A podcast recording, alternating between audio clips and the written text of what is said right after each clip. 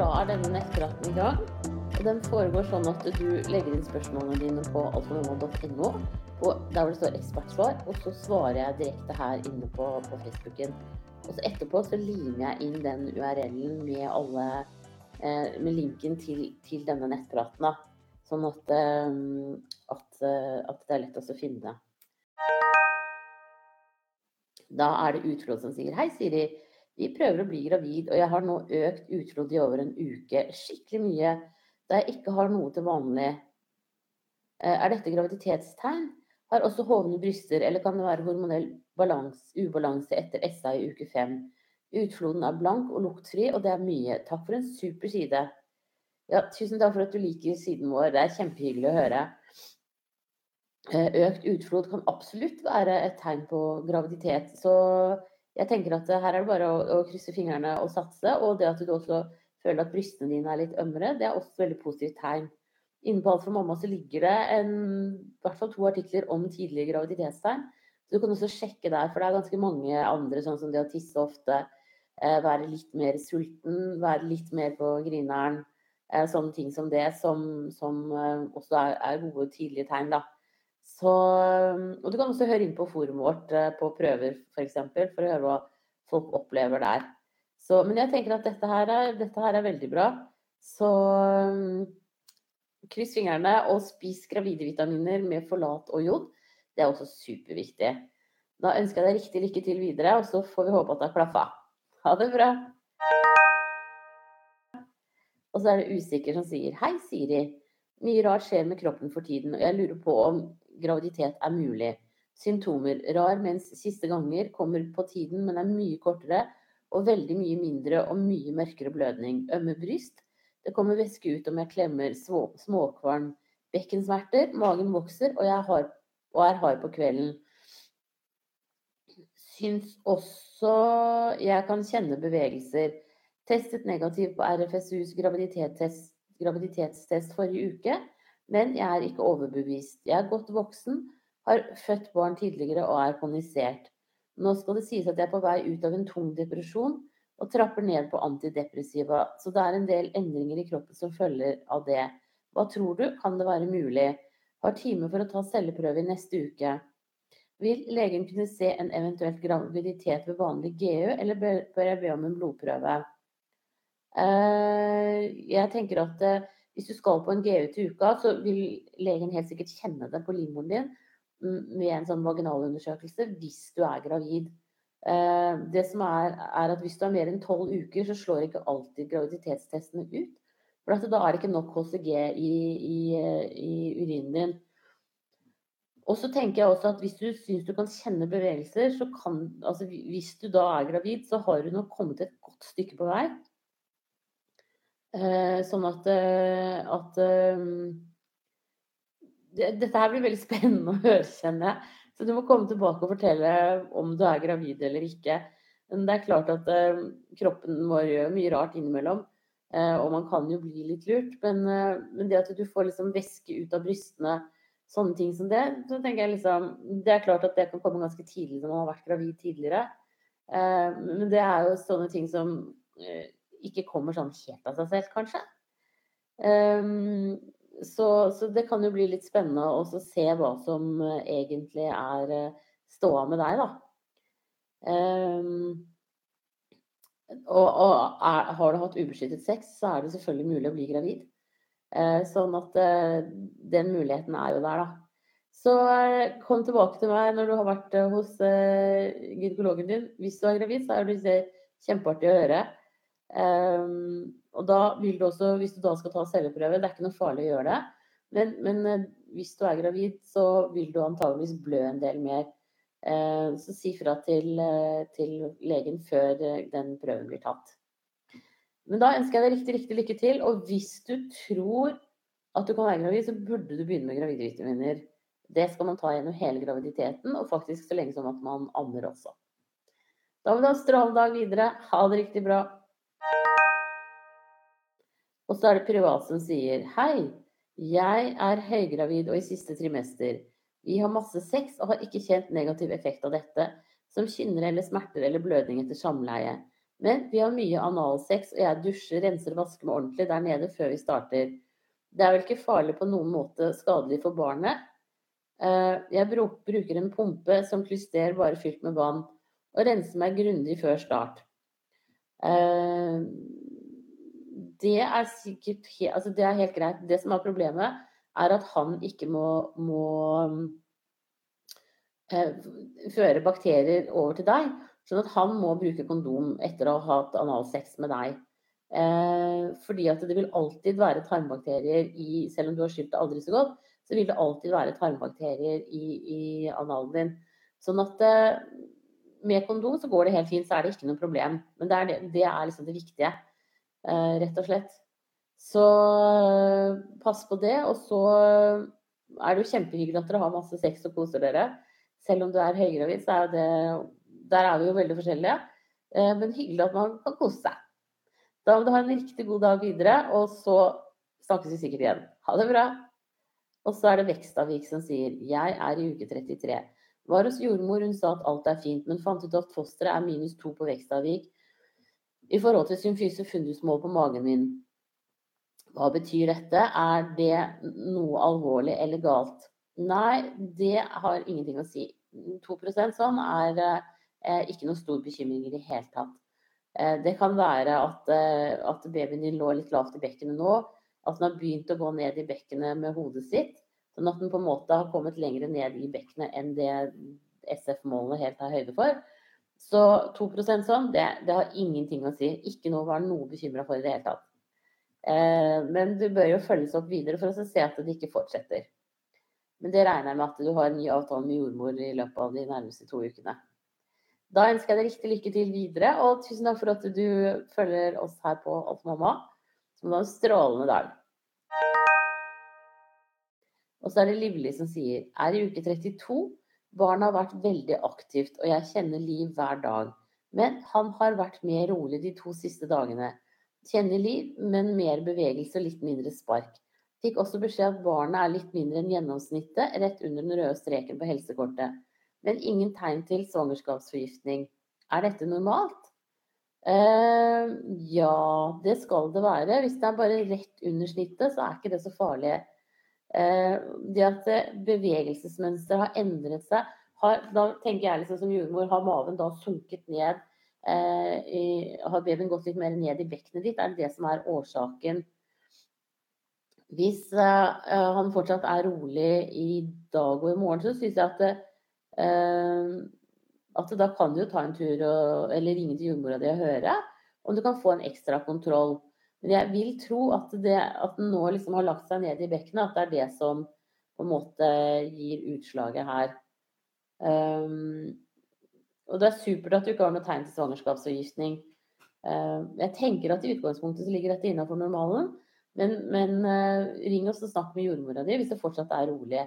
Hvis det er sånn som du sier at du kjenner barnet bevege seg, men at det er ikke de der dunkete bevegelsene, men mer sånne rolige bevegelser, så, så er jo det også bevegelser og det er normalt. Det er liksom normalt at når du får mindre plass, så blir det liksom mer sånn at de er liksom mykere i bevegelsene, da.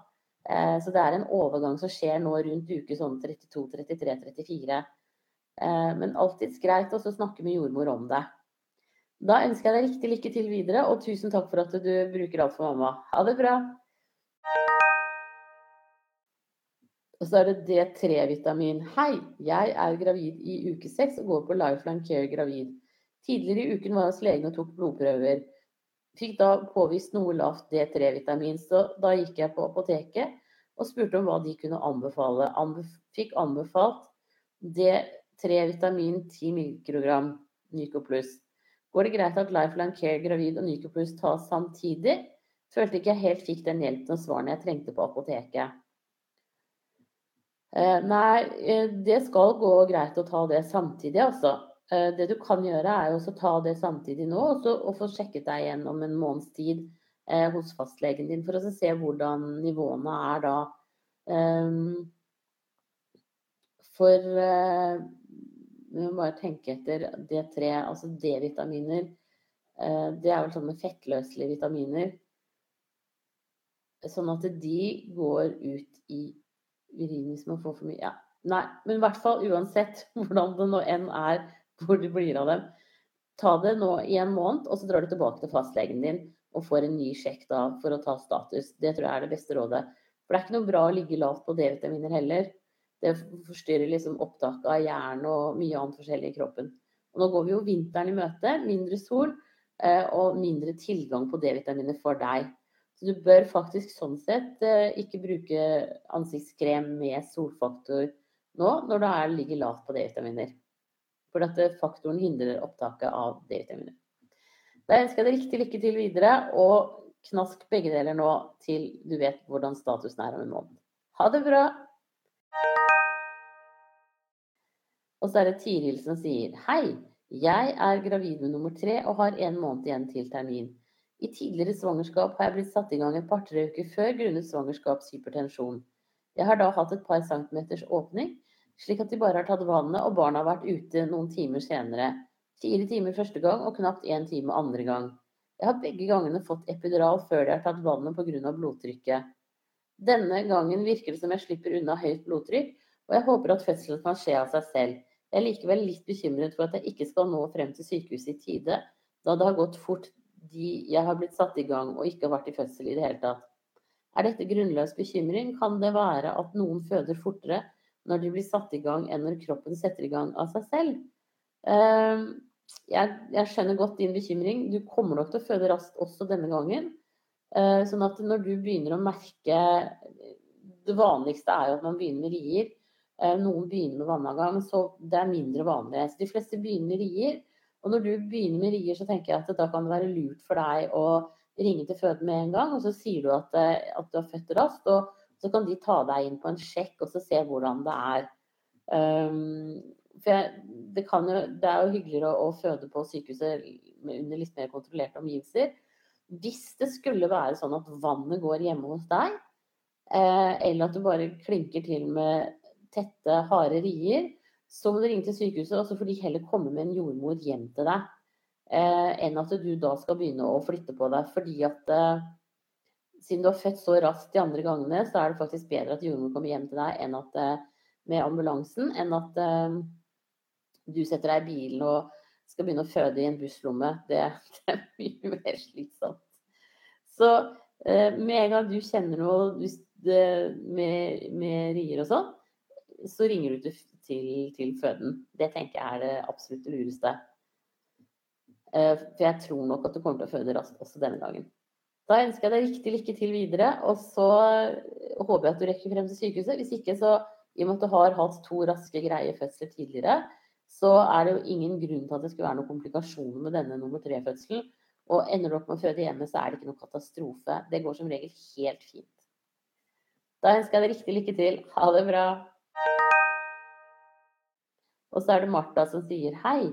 Jeg har en gutt på snart fem uker som ofte har grønnlig avføring. Han kan ha opptil ti bæsjebleier i døgnet, hvor noen bleier inneholder grønnlig avføring, mens andre er gule.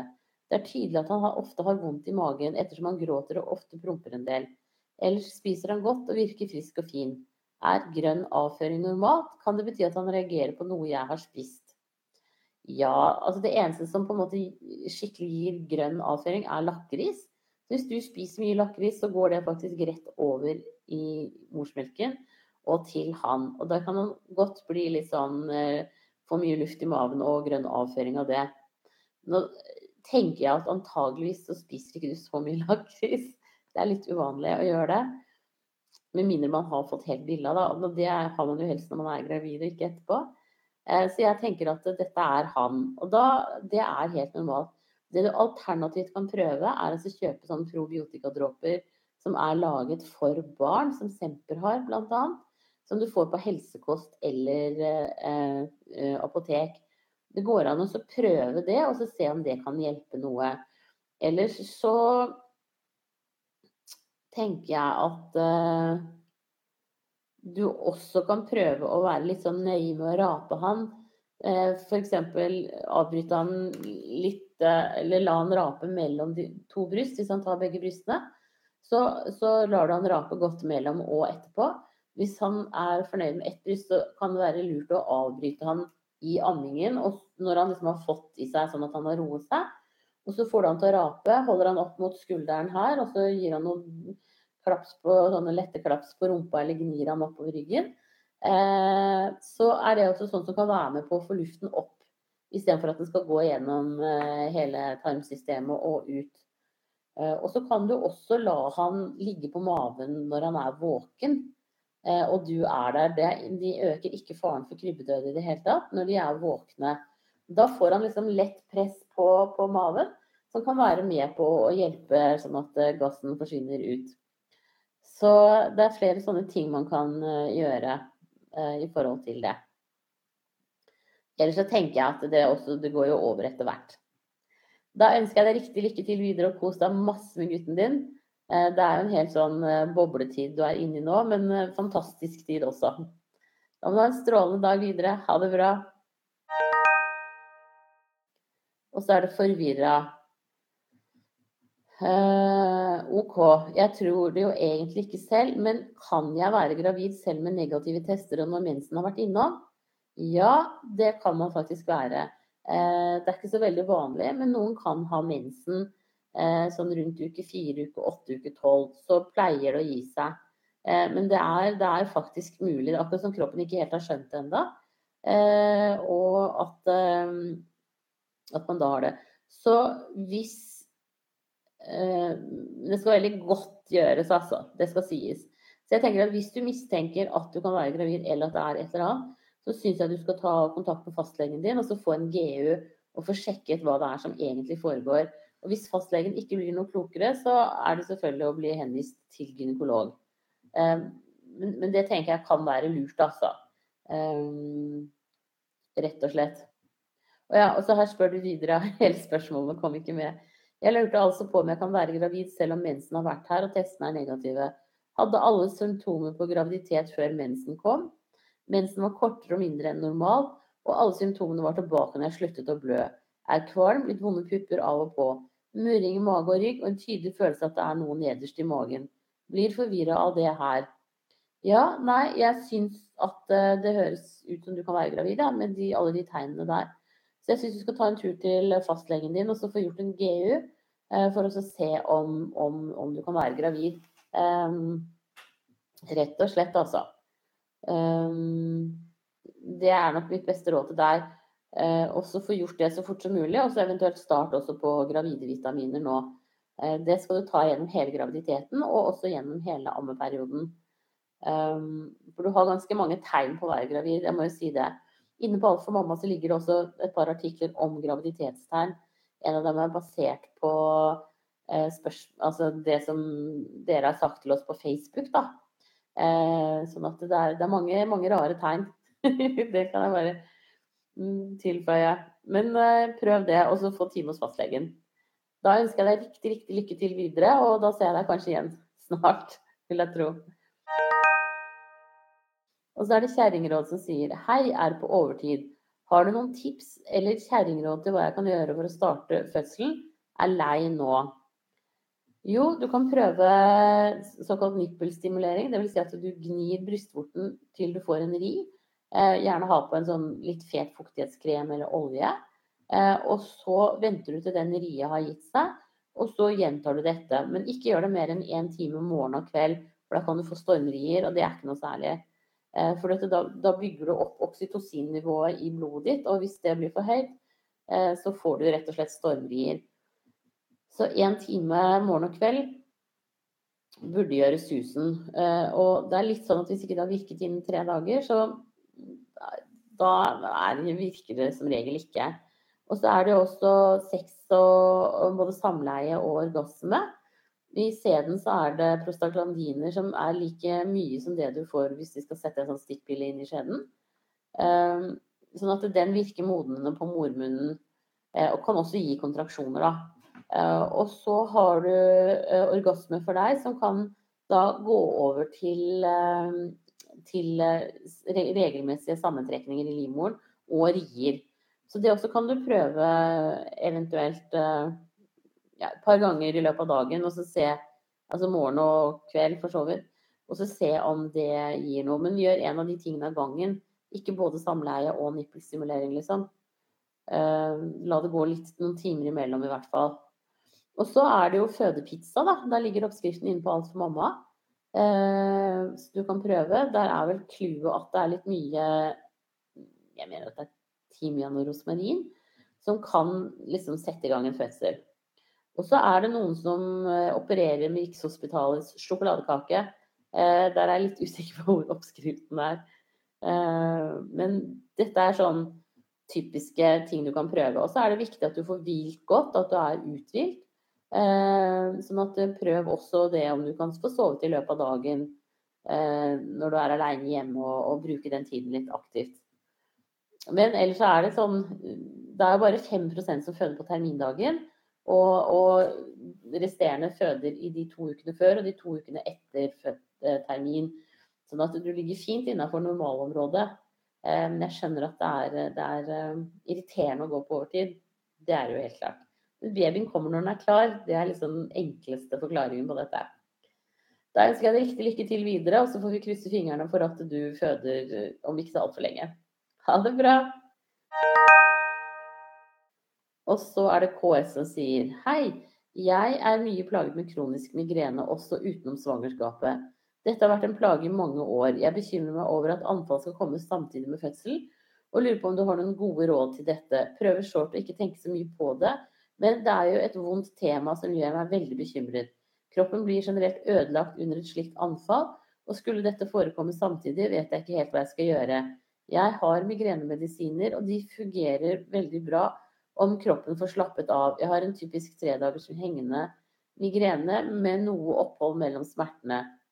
Krysser jo så klart fingrene for at det ikke kommer samtidig. Jeg er nå i uke 39. Eh, ja, det er ikke så lett uh, å finne ut av på, på en måte. Samtidig så tenker jeg at uh, kun, noe, dette, kan, dette, kan, jeg ikke nok om, så jeg syns du skal snakke med fastlegen din om det.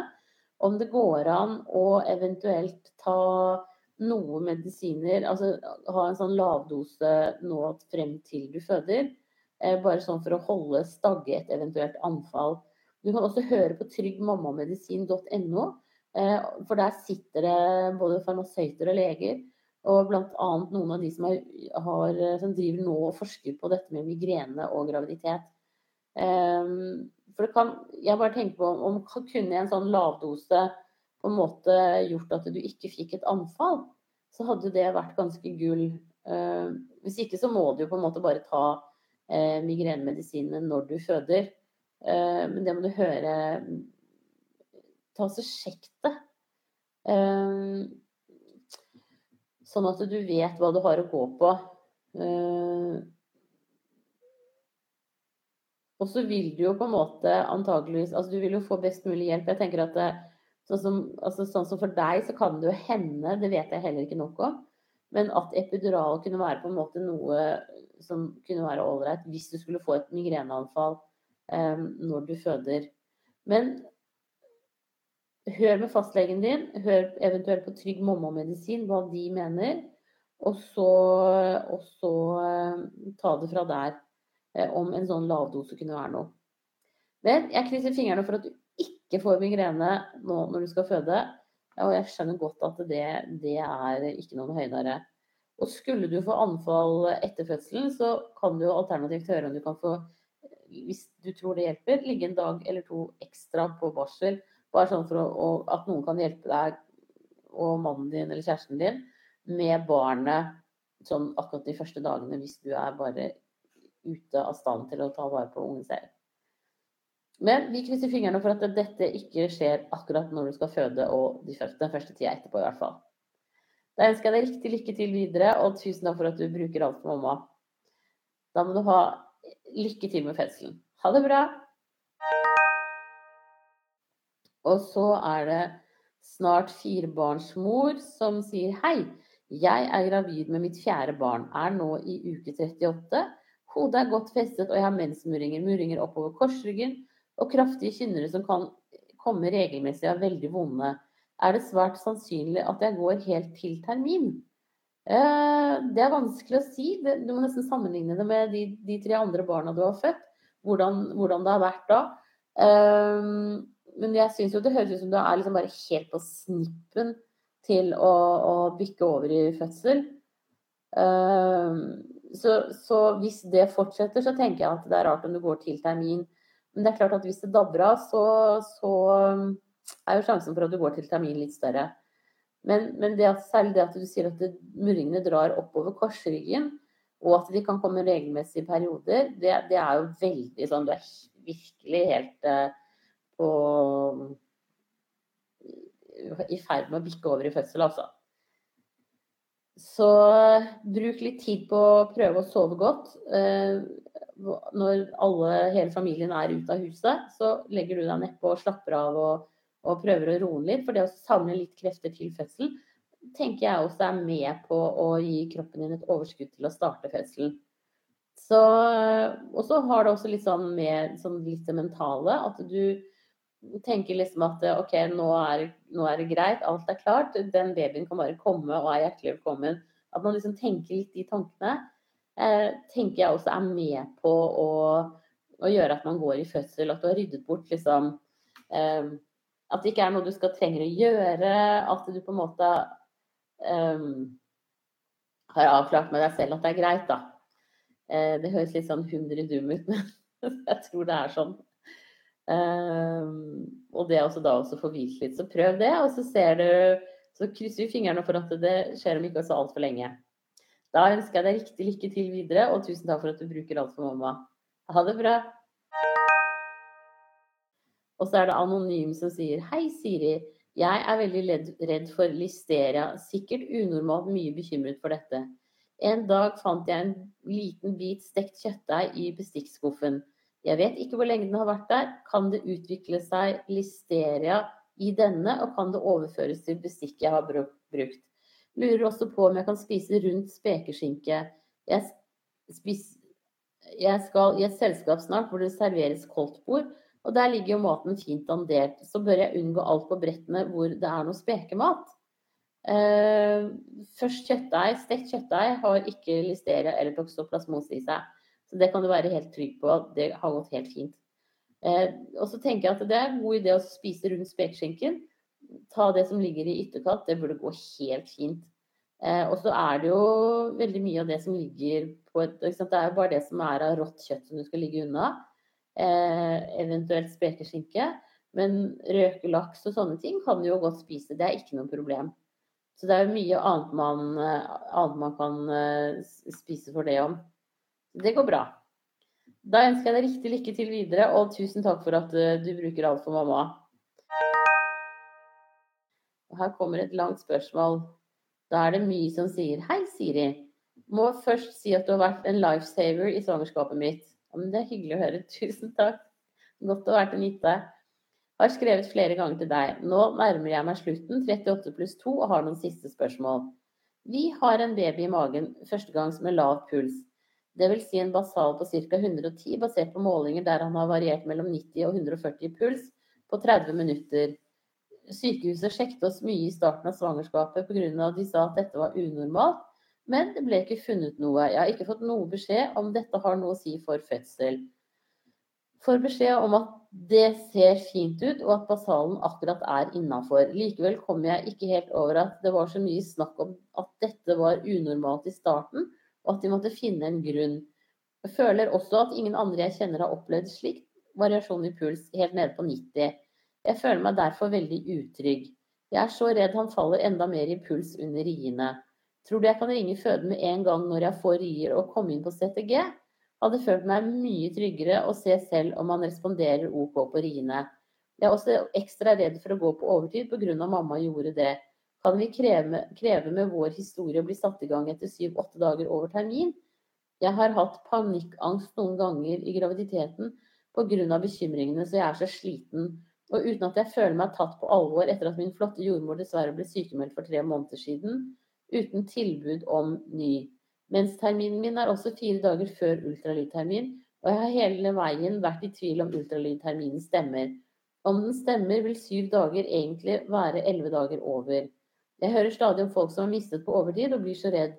Dag 11 over ultralydtermin er videre på en lørdag, Og jeg lurer på om det i alle fall kan bety at jeg kan bli satt i gang på fredag, ti dager over ultralydtermin, ettersom helg sikkert er hektisk.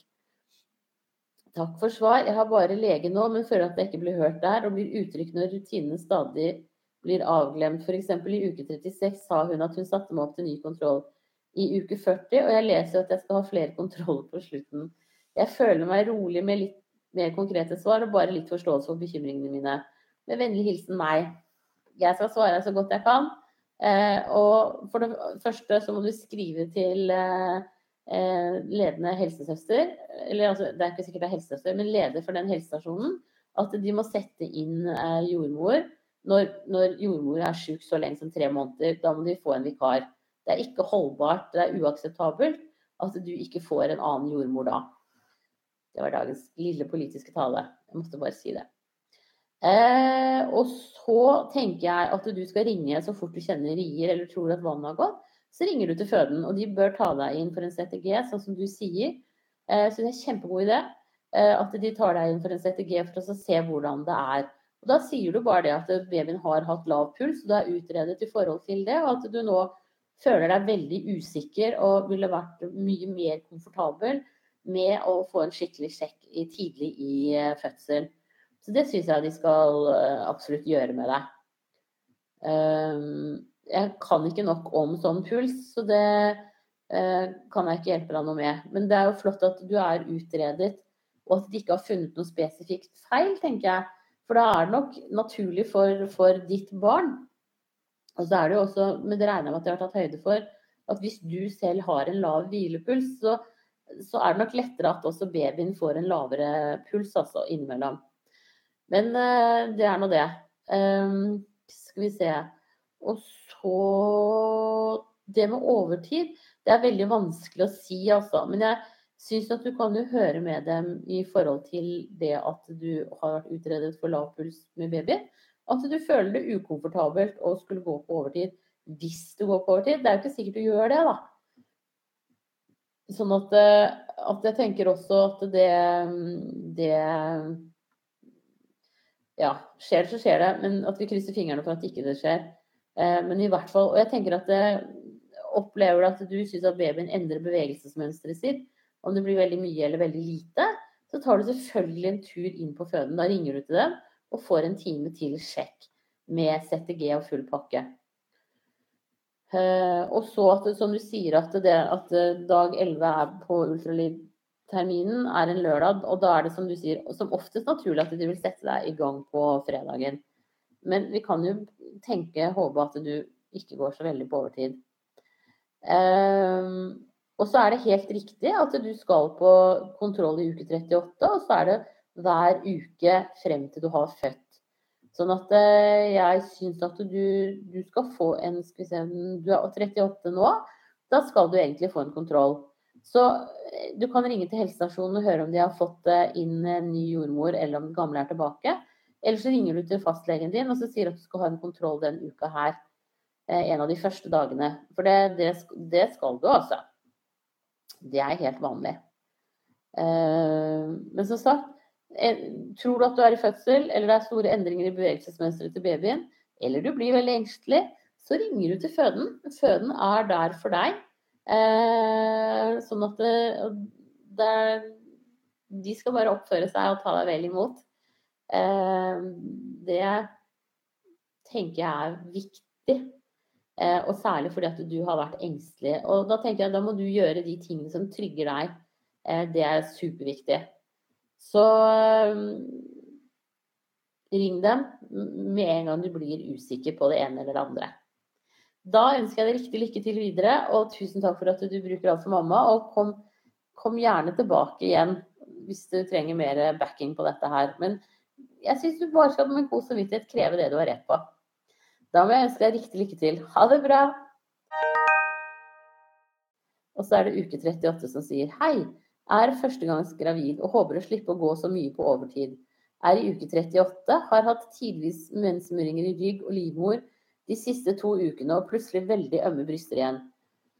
Vi begynte å ha sex i går. Hvor ofte tror du vi bør ha sex om det skal ha virkning på fødsel? Jeg får ikke til å få orgasme ved sex nå, men kan få det gjennom å onanere på egen hånd når mannen ikke er der. Uff, stakkars mannen min. Hjelper dette, tror du likevel? Altså om sexen og onanien ikke skjer samtidig. Jeg kjente med en finger i går inn i skjeden og kjenner ikke livmortappen. Virker som den ligger langt opp nå. Har ikke kjent etter tidligere i svangerskapet, men blitt kjent i området da vi forsøkte å bli gravide og kunne da tidvis kjenne tappen veldig godt og langt ned. Takk for svar. Eh, at du har sånne muringer er jo superbra. Da er kroppen din i ferd med å, lage seg til for fødsel. Eh, og sex morgen og kveld er, skal liksom gjøre susen. Det virker bare hvis alt annet er modent. Eh, og det er klart at når du sier at eh, mormunnen din ligger eh, eller tappen ligger langt bak, så gjør den jo det eh, i graviditeten for å beskytte. Eh, og da er du kanskje ikke så veldig klar for å føde helt enda, men det går an å prøve. Eh, kanskje ha sex én gang i døgnet nå, da.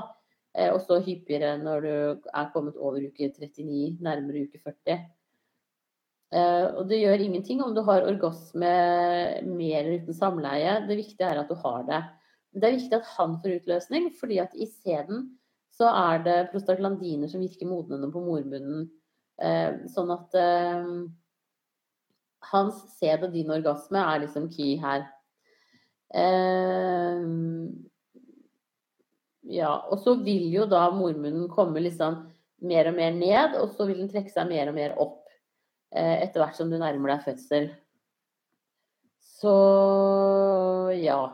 Nei, så det er bare å smøre seg med litt tålmodighet, og så håpe at det, eh, det skjer ikke så altfor lenge. Da ønsker jeg deg riktig, riktig lykke til, og lykke til med fødselen også. Ha det bra. Og så er det Hormonella som skriver Jeg er gravid Hormonella som er passert i uke 34. Jeg er sliten, kvalm, uggen, tung i pust og kropp. Jeg føler jeg er redd for å pådra meg en fødselsdepresjon grunnet så mange plager i denne graviditeten. Når jeg fikk mitt første barn, så var jeg kvalmen til uke 17. Her nå i dag er jeg over 34 og enda kvalm. Gleder meg til å føde for å slippe disse dønningene som tar meg.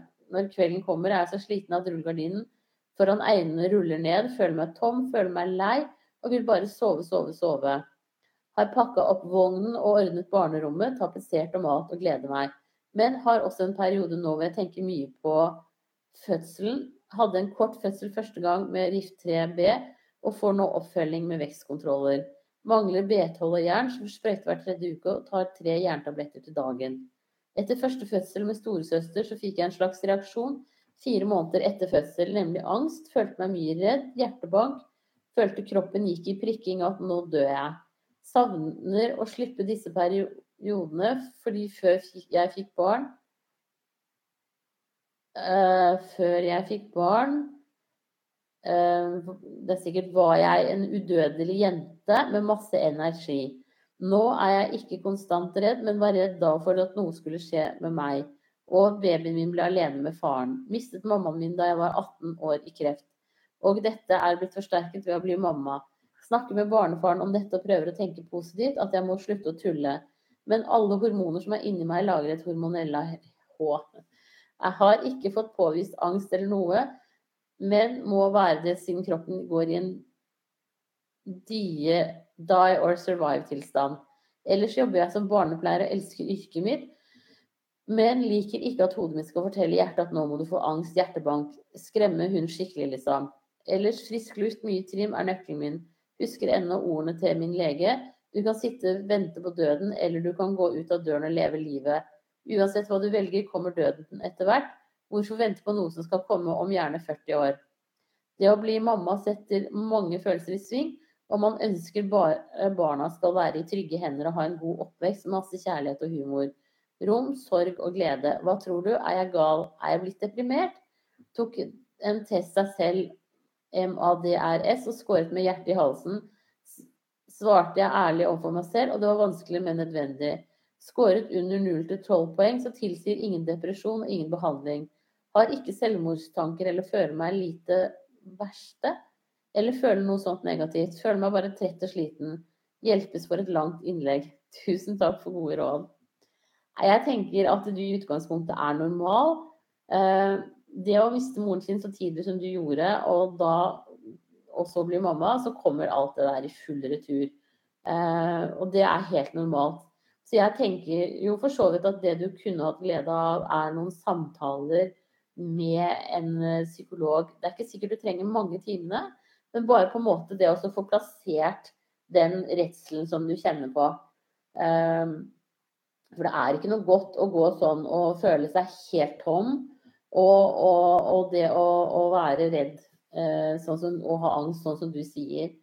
Det er ubehagelig. Noe, noe vil jo alltid være der. Og du opplever sikkert også en sånn slags sorg fordi at moren din ikke får oppleve barnebarna sine. Eh, at du gjerne skulle kunne vise dem frem. Eh, sånne ting som det. Eh, og, og, det er liksom helt normalt. Men, men det er veldig tungt, altså. Og når du er gravid, så er på en måte den der eh, beskyttende mekanismen rundt deg, den er ganske borte. For du skal jo være åpen for å, å ta imot et, en, et, nytt individ inn i livet ditt. Eh, og da må man jo åpne litt på, på barrierene. Men det gjør deg mer sårbar sånn på generell basis. Eh, så jeg syns jo at eh, du skulle fått en samtale, blitt henvist til um, Eller tatt en altså sånn samtale med en, en dyktig person som du kan betale for selv. Eh, det kan jo være litt dyrt. Eh, så snakk med jordmora di på neste kontroll om det fins noe tilbud eh, for deg på helsestasjonen. For jeg tror du bare trenger et lavterskeltilbud. Jeg tror du ikke trenger mange timene. Eh, og særlig fordi at du har tatt den testen og, vært veldig ærlig med deg selv. Eh, så, så tenker jeg at det er ikke mange timene du trenger, men et par timer sånn, bare sånn for å få sortert tankene. Hva er ditt, hva er, an, hva er andres? Eh, hva er gammel eh, eh, Det at moren din døde, og hva er liksom det at, eh, at, du har blitt mor nå og skal bli mamma igjen. Og så tenker jeg Hvis du kan greie det, så sett deg ned og skriv. og så Bare skriv ned alle tankene dine. For det kan også være med på å sortere og du må gjerne brenne det etterpå, men akkurat eh, nå så, så, kan det være lurt for deg å, å også bruke det som en måte å, å, få sortert tankene dine på. Rett og slett skrive litt dagbok. Og så eh, sier du det at du hadde eh, fødsel med rift grad 3B.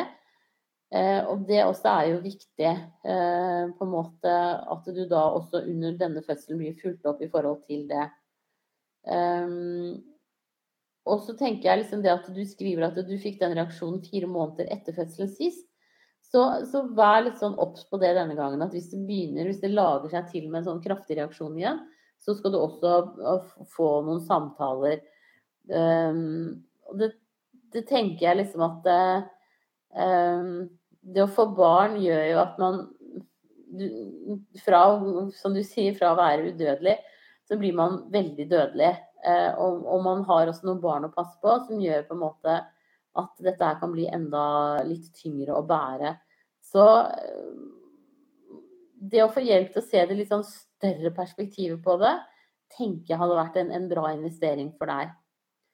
Um, og det er noen ganger også noe med det der at du, man kan ha tankene, og så kommer hjertet, og så skal du på en måte koble de to. Og den koblingen er ikke alltid uh, helt enkel.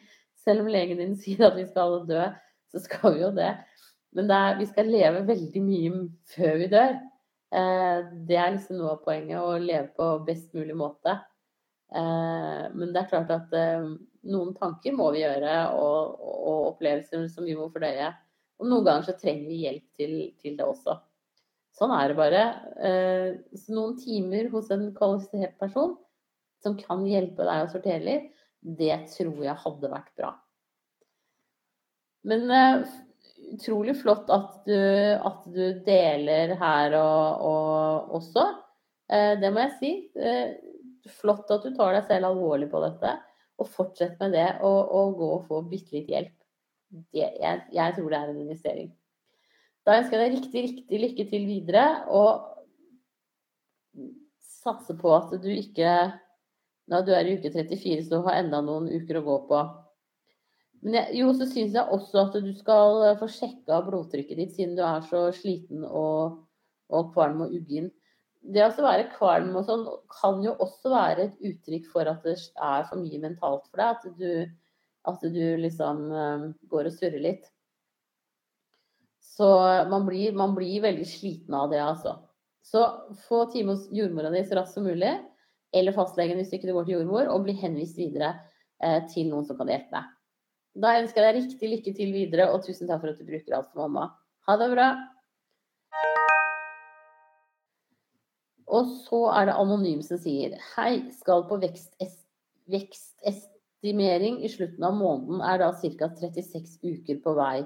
Er dette siste kontrollen for vekst? Har gått på en, en hver måned pga. barna er stort. Først var hun 13, så 12, og så 10 osv. over normal. Jeg håper de kan gi meg en endelig resultat om å bli satt i gang i uke 38, siden hun er en stor jente. Og jeg ikke ønsker revning helt bak ved endetarmen denne fødsel. Hva tenker du? Uh, jeg tenker at uh, den, den, vektkontrollen som de gjør nå, den sier ganske mye om uh, størrelsen på babyen din. Og så får du jo avgjøre om det er noe nødvendig med flere. Hvis det var sånn at du har født et stort barn tidligere og eh, da revnet veldig kraftig, så også, bør de også snakke om forløsningsmetode med deg nå. Og om det er hensiktsmessig å sette deg i gang i uke 38. Så pass på å spørre om det når du er på neste kontroll. At du da får kartlagt liksom veien videre eh, og med en, en sikkerhet i hva som skal skje. Eh, så spør dem om det, og ikke gi deg før du får et godt svar. Det tenker jeg er, eh, er nok det beste rådet jeg kan gi deg. Så spør dem eh, tydelig, og få et tydelig svar tilbake. Da ønsker jeg deg riktig lykke til videre, og håper at, det, at du ikke må gå noe Ja, at, det, at, du, at du får et godt svar eh, som du kan leve med som, som, gir deg en trygghet i forhold til fødselen, er vel det jeg prøver å si. Eh, skriv det gjerne ned på mobilen, eh, sånn at du, at du får stilt de spørsmålene ordentlig. Det kan være litt sånn at ting går litt fort, at det koker litt over i topplokket. Jeg har i hvert fall opplevd det selv noen ganger. At man ikke helt får spurt om det man skulle spørre om. Eh, og Derfor er det greit å, å ha skrevet ned eh, før du går inn også. Da ønsker jeg deg riktig lykke til videre. Ha det bra. Og så er det gravid i uke 15 som sier hei. Jeg har vært i Filippinene i to og en halv måned og har to uker igjen.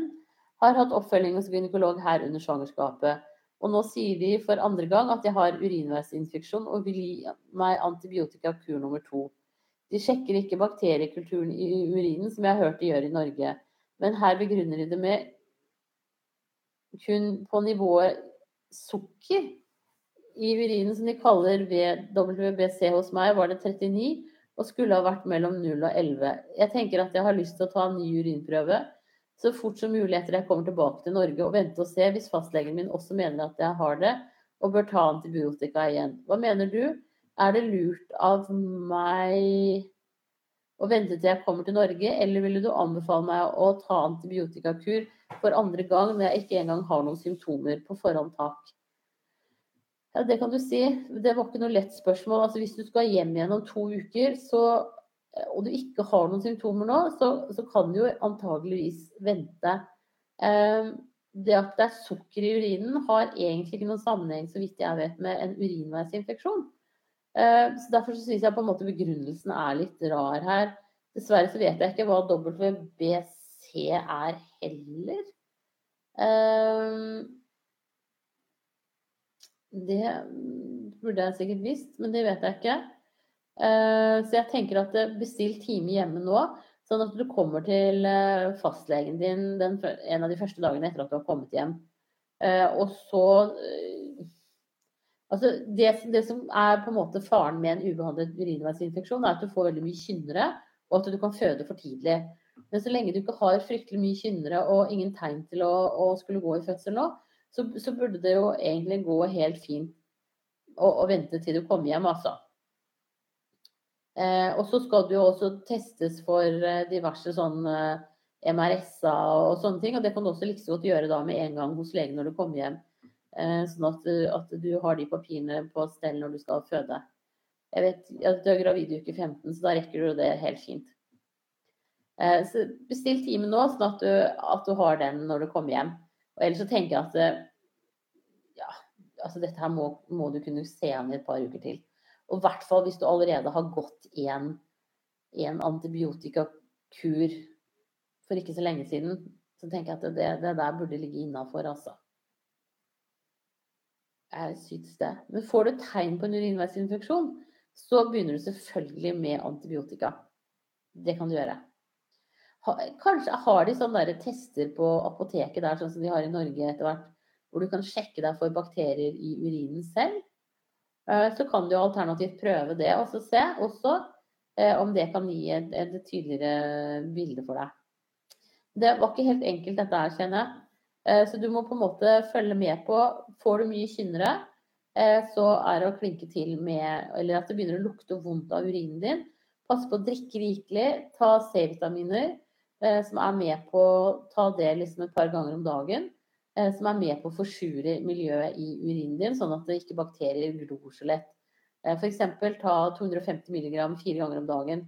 Så har du, da vil du ha en sånn surhetsgrad i urinen hele tiden.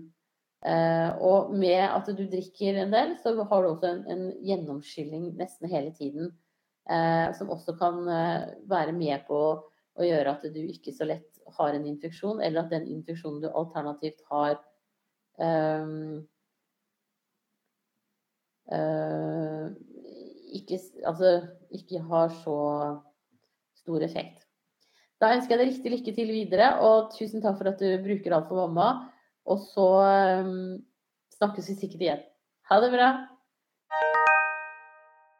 Da er det Klara som sier Jeg har en gutt på fem uker som har blitt tett i nesen, og i tillegg hoster og nyser litt. Kan han ha blitt forkjølet?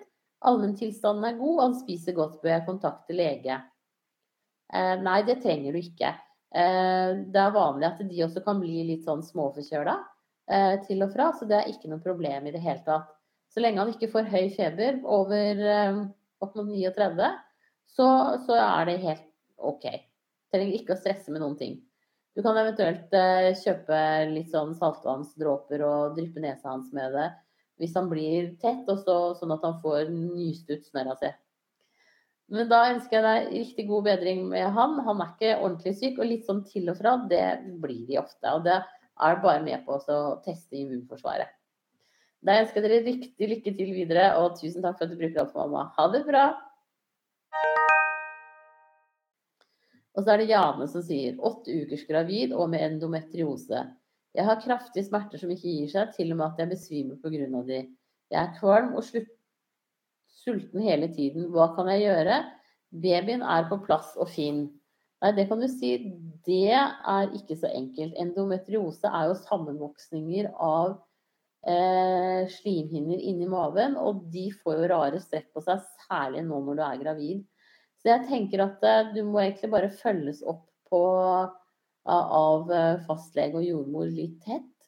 Eh, og så er det liksom så vidt jeg vet, kanskje ikke så mye man kan gjøre noe med. Det, går, det er mulig å bli henvist til eh, gynekolog, men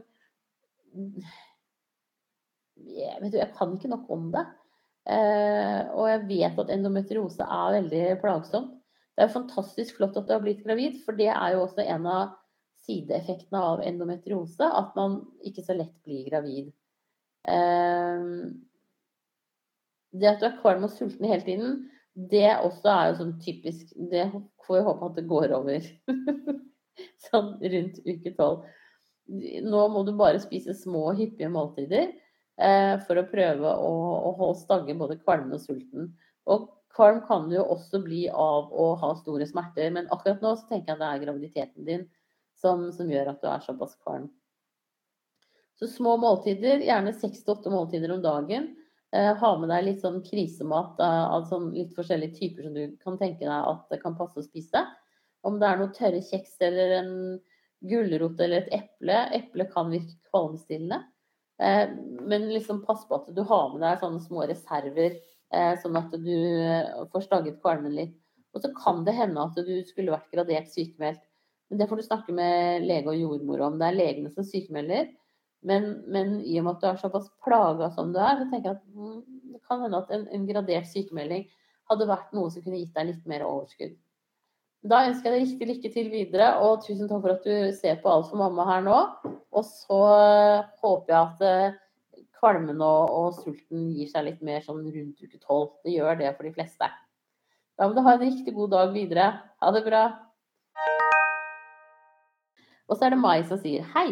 Hadde fullbyrdet og ubeskyttet sex 14 dager etter mens i to dager på rad, 15. og 16. juni. Hadde ubeskyttet sex som ikke ble fullført ved at han kom inni meg en uke etter, testet positivt 1. juli, og da sa test gravid to til tre uker. Når er det mest sannsynlig at jeg ble gravid? Hvis den testen sa to til 15. og 16. 20. Oi, nå må jeg bare tenke her. Nei, det må jo høyst sannsynlig være 15.-16. som er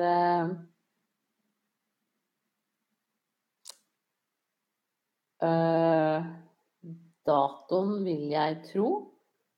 Uh, det som For nå begynner det til juni, juli, august, september, oktober. Nå begynner det å være sånn rundt fire måneder på vei. Um, ja, det som er lurt når man uh, har sex uh, og lurer på hvem som er barnefar eventuelt, uh, er egentlig å ta, få tatt en ultralyd litt tidlig. Fordi at da, da, er det lettere å se forskjell på størrelsene. Nå begynner de babyene å bli såpass store at det ikke er så lett å se forskjell på dem. så nå tenker jeg nå for deg nå, så er det like greit å vente til du skal på rutineultralyden. Um, juli, juli, august, september, oktober, fire. Ja. Altså, du kan gå og få tatt en ultralyd nå og se om det er noe vits i eh, i forhold til um, om det skiller på en uke sånn nå. Uh, for da er det jo allike Men nå, altså, den der rutineultralyden er såpass rett rundt hjørnet at eh, der vil de nok skyve på terminen din hvis det er eh, snakk om at det var den nummer to du ble gravid på. Men hvis du Nei. Nei, dette var ikke noe lett. Jeg tenker, jeg, jeg ville liksom holdt en knapp på 15. og 16. juni, altså. Eh, det som, det som ofte, det som, et av de tidligste graviditetstegnene, det er at man blir mer hoven i skjeden. Eh, og sånn sett så blir man mer kåt. Og jeg tenker at på det der samleie nummer to, eh, altså det der rundt den 20., da eh,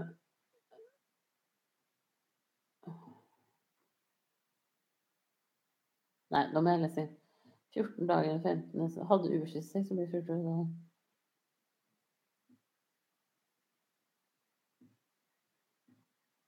Ja, det er en uke etter der. Så jeg tenker at den der, hvis du, hvis du kjente deg veldig annerledes når du hadde den, det samleiet hvor han ikke kom inni deg, eh, så kan det være et tegn på at du allerede var gravid da. Eh, nå er jo dette en liten stund siden, så jeg vet ikke om hva du greier å huske tilbake på. Men, men, eh, men hvis det var veldig sånn annerledes enn det sex pleier å være for deg, da var du nok allerede gravid. Eh, rett og slett. Og så tenker jeg også det der med at det er stort sett rundt 14 dager etter at man hadde første dag og siste mens, eh, at man er fertil. Det er som oftest ikke etter tre uker. Eh, men det hender.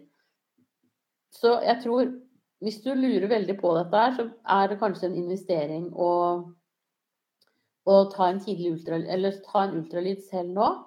Uh, bare for oss å se om, om, om, det kan si noe. Men det er ikke sikkert at det, at det, gir deg noe godt svar, det heller. Men jeg ville jo tro at det er den ubeskyttede sexen som har gjort deg gravid, altså. Men som sagt, ingen garantier.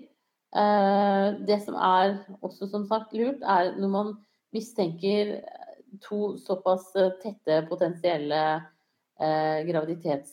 Altså befruktningsdatoer, er å gjøre, få gjort en tidlig ultralyd. Rett og slett sånn rundt uke 6-7.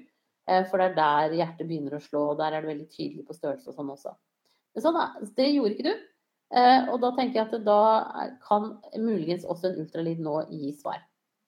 Jeg ønsker deg riktig, riktig lykke til videre, og jeg holder nok en knapp på at det var 15. og 16. juni som er befruktningsdatoene dine.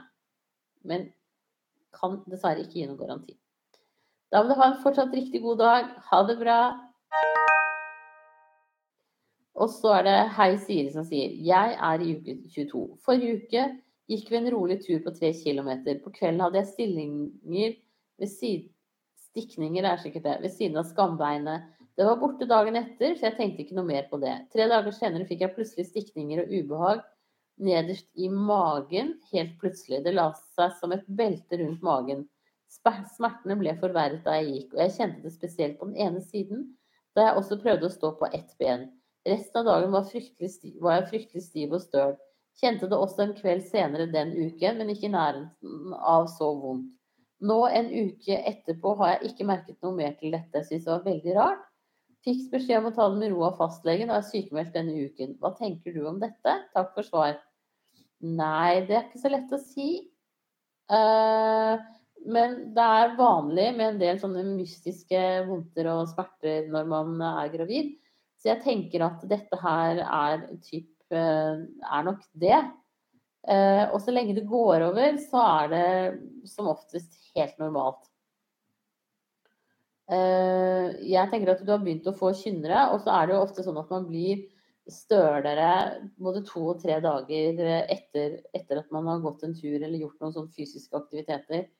Så jeg vil tro at det er der det ligger. Jeg har ikke ellers noen veldig gode svar men at det er helt greit at det gikk over. Men får du det igjen, så er det klart at det da, da, kan det jo kanskje være på sin plass også uh, sende deg på en ultralyd for å finne mer ut av det. Men da ønsker jeg deg riktig lykke til videre, og bruk tida godt nå og slapp av og, og kos deg. Ha det bra. Og så er det Hei som sier på ordinær ultralyd fikk jeg beskjed om at morkaken lå veldig langt ned mot mormunnen og skal på ultralyd igjen i uke 32. Er det farlig å ha samleie, er straks i uke 23. Hilsen forsiktig. Så lenge du føler deg komfortabel med samleie og du ikke har fått samleieforbud, så kan du ha samleie. Det er ikke noe problem. Ehm, det er vel mer sånn hvis man har blødd og, og morkaken liksom dekker mormunnen, at man skal være litt mer forsiktig. Men når den ligger langt nede, så det ikke ligger det liksom relativt trygt. Da ønsker jeg deg riktig lykke til videre, og tusen takk for at du ser på Alt om mamma her nå. Og så er det Redd som sier Jeg er akkurat 23 pluss 0 i dag. Lørdag kveld oppdaget jeg til min store skrekk ferskt blod på papir da jeg tørket meg etter å ha måttet tisse skikkelig. Og så hadde det rent en del blod ned i doskåla. Jeg fikk panikk og ringte legevakta, tok på meg et bind men det rant ikke noe særlig mer ut i det. Fargen på dopapiret var mer lysrosa da jeg tørket meg neste gang, og ble etter hvert litt mer brunaktig. Blodtrykk, temperatur og hode ble målt, og var fint. Urinprøven hadde pluss én på blod, ellers fin. Ble sendt til gynekologen hos føden på sjekk. Utvendig ultralyd viste at barnet var aktivt og hadde det bra. Jevn og fin hjertefrekvens, bra med fostervann osv. Ved innvendig ultralyd så hun at livmorhalsen er lang lukket.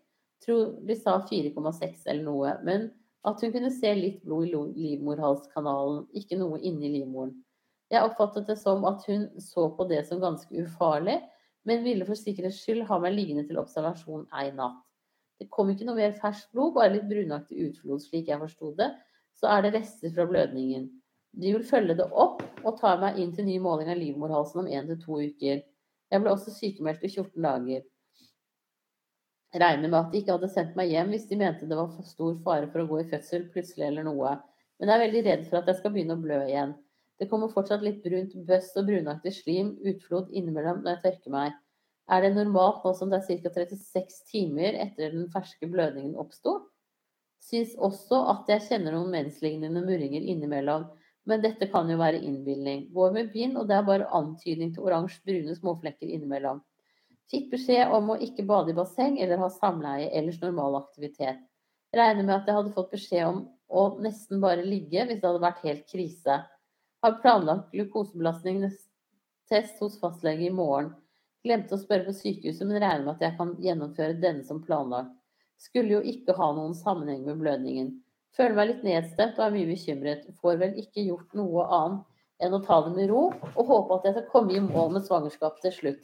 Fødte elleve dager før termin sist, men hadde ikke sånn blødning da. Er det vanlig at sånt kan skje i andre trimester, eller syns du dette høres farlig ut? PS. Jeg hadde ikke hatt samleie i forbindelse med blødningen, og tok celleprøve uten noen bemerkning for litt over et år siden. På forhånd takk. Med vennlig hilsen meg. Ja, dette her er sånn som skjer. Det ligger helt innafor normalen. Men det er selvfølgelig veldig skummelt når det skjer. Og de vet ikke alltid hvorfor. Det kan være en polypp i mormunnen som sprekker, eller det kan være liksom bare sånn det er. Eh, og det er helt normalt at det, er, at det blir brunaktig. Det er, det er, fordi det er gammelt blod. Så jeg syns det høres ut som at du blir fulgt bra opp, og at dette her er helt innafor normalen. Og det behøver ikke være noe mer dramatisk heller om det skulle skje en gang til. Det er bare sånn som skjer. Så, så jeg tenker at, uh, at dette her er Du trenger ikke å bekymre deg. Altså jeg vet at man bekymrer seg, men, men, det er ikke Jeg tror ikke du trenger å bekymre deg i forhold til dette. Da ønsker jeg deg riktig lykke til videre, og tusen takk for at du bruker alt for mamma. Ha det bra! Og så er det Tenkte som sier Hei, har baby på seks måneder. Ryddet skapet for honning i går og vasket et glass i kummen. Er nå blitt redd for at slik kryssforurensning Hva er godt nok renhold? Takk for svar. Eh, det går helt fint. Det bør ikke være noe redd for det. Vanlig såpe og vann tar knekken på den eh, Det som eh, er i den honningen. Så det kan du bare stresse ned med. Det går fint. Da ønsker jeg deg riktig lykke til videre, og tusen takk for at du bruker Alt for mamma. Da var det det siste spørsmålet i dag. Skal vi se, eller bare ta sånn refresh og se for å være helt sikker. Yes, det var siste spørsmål i dag. Da må dere ha en riktig strålende dag alle sammen, og så snakkes vi igjen eh, om ikke så fryktelig lenge. Ha det riktig bra.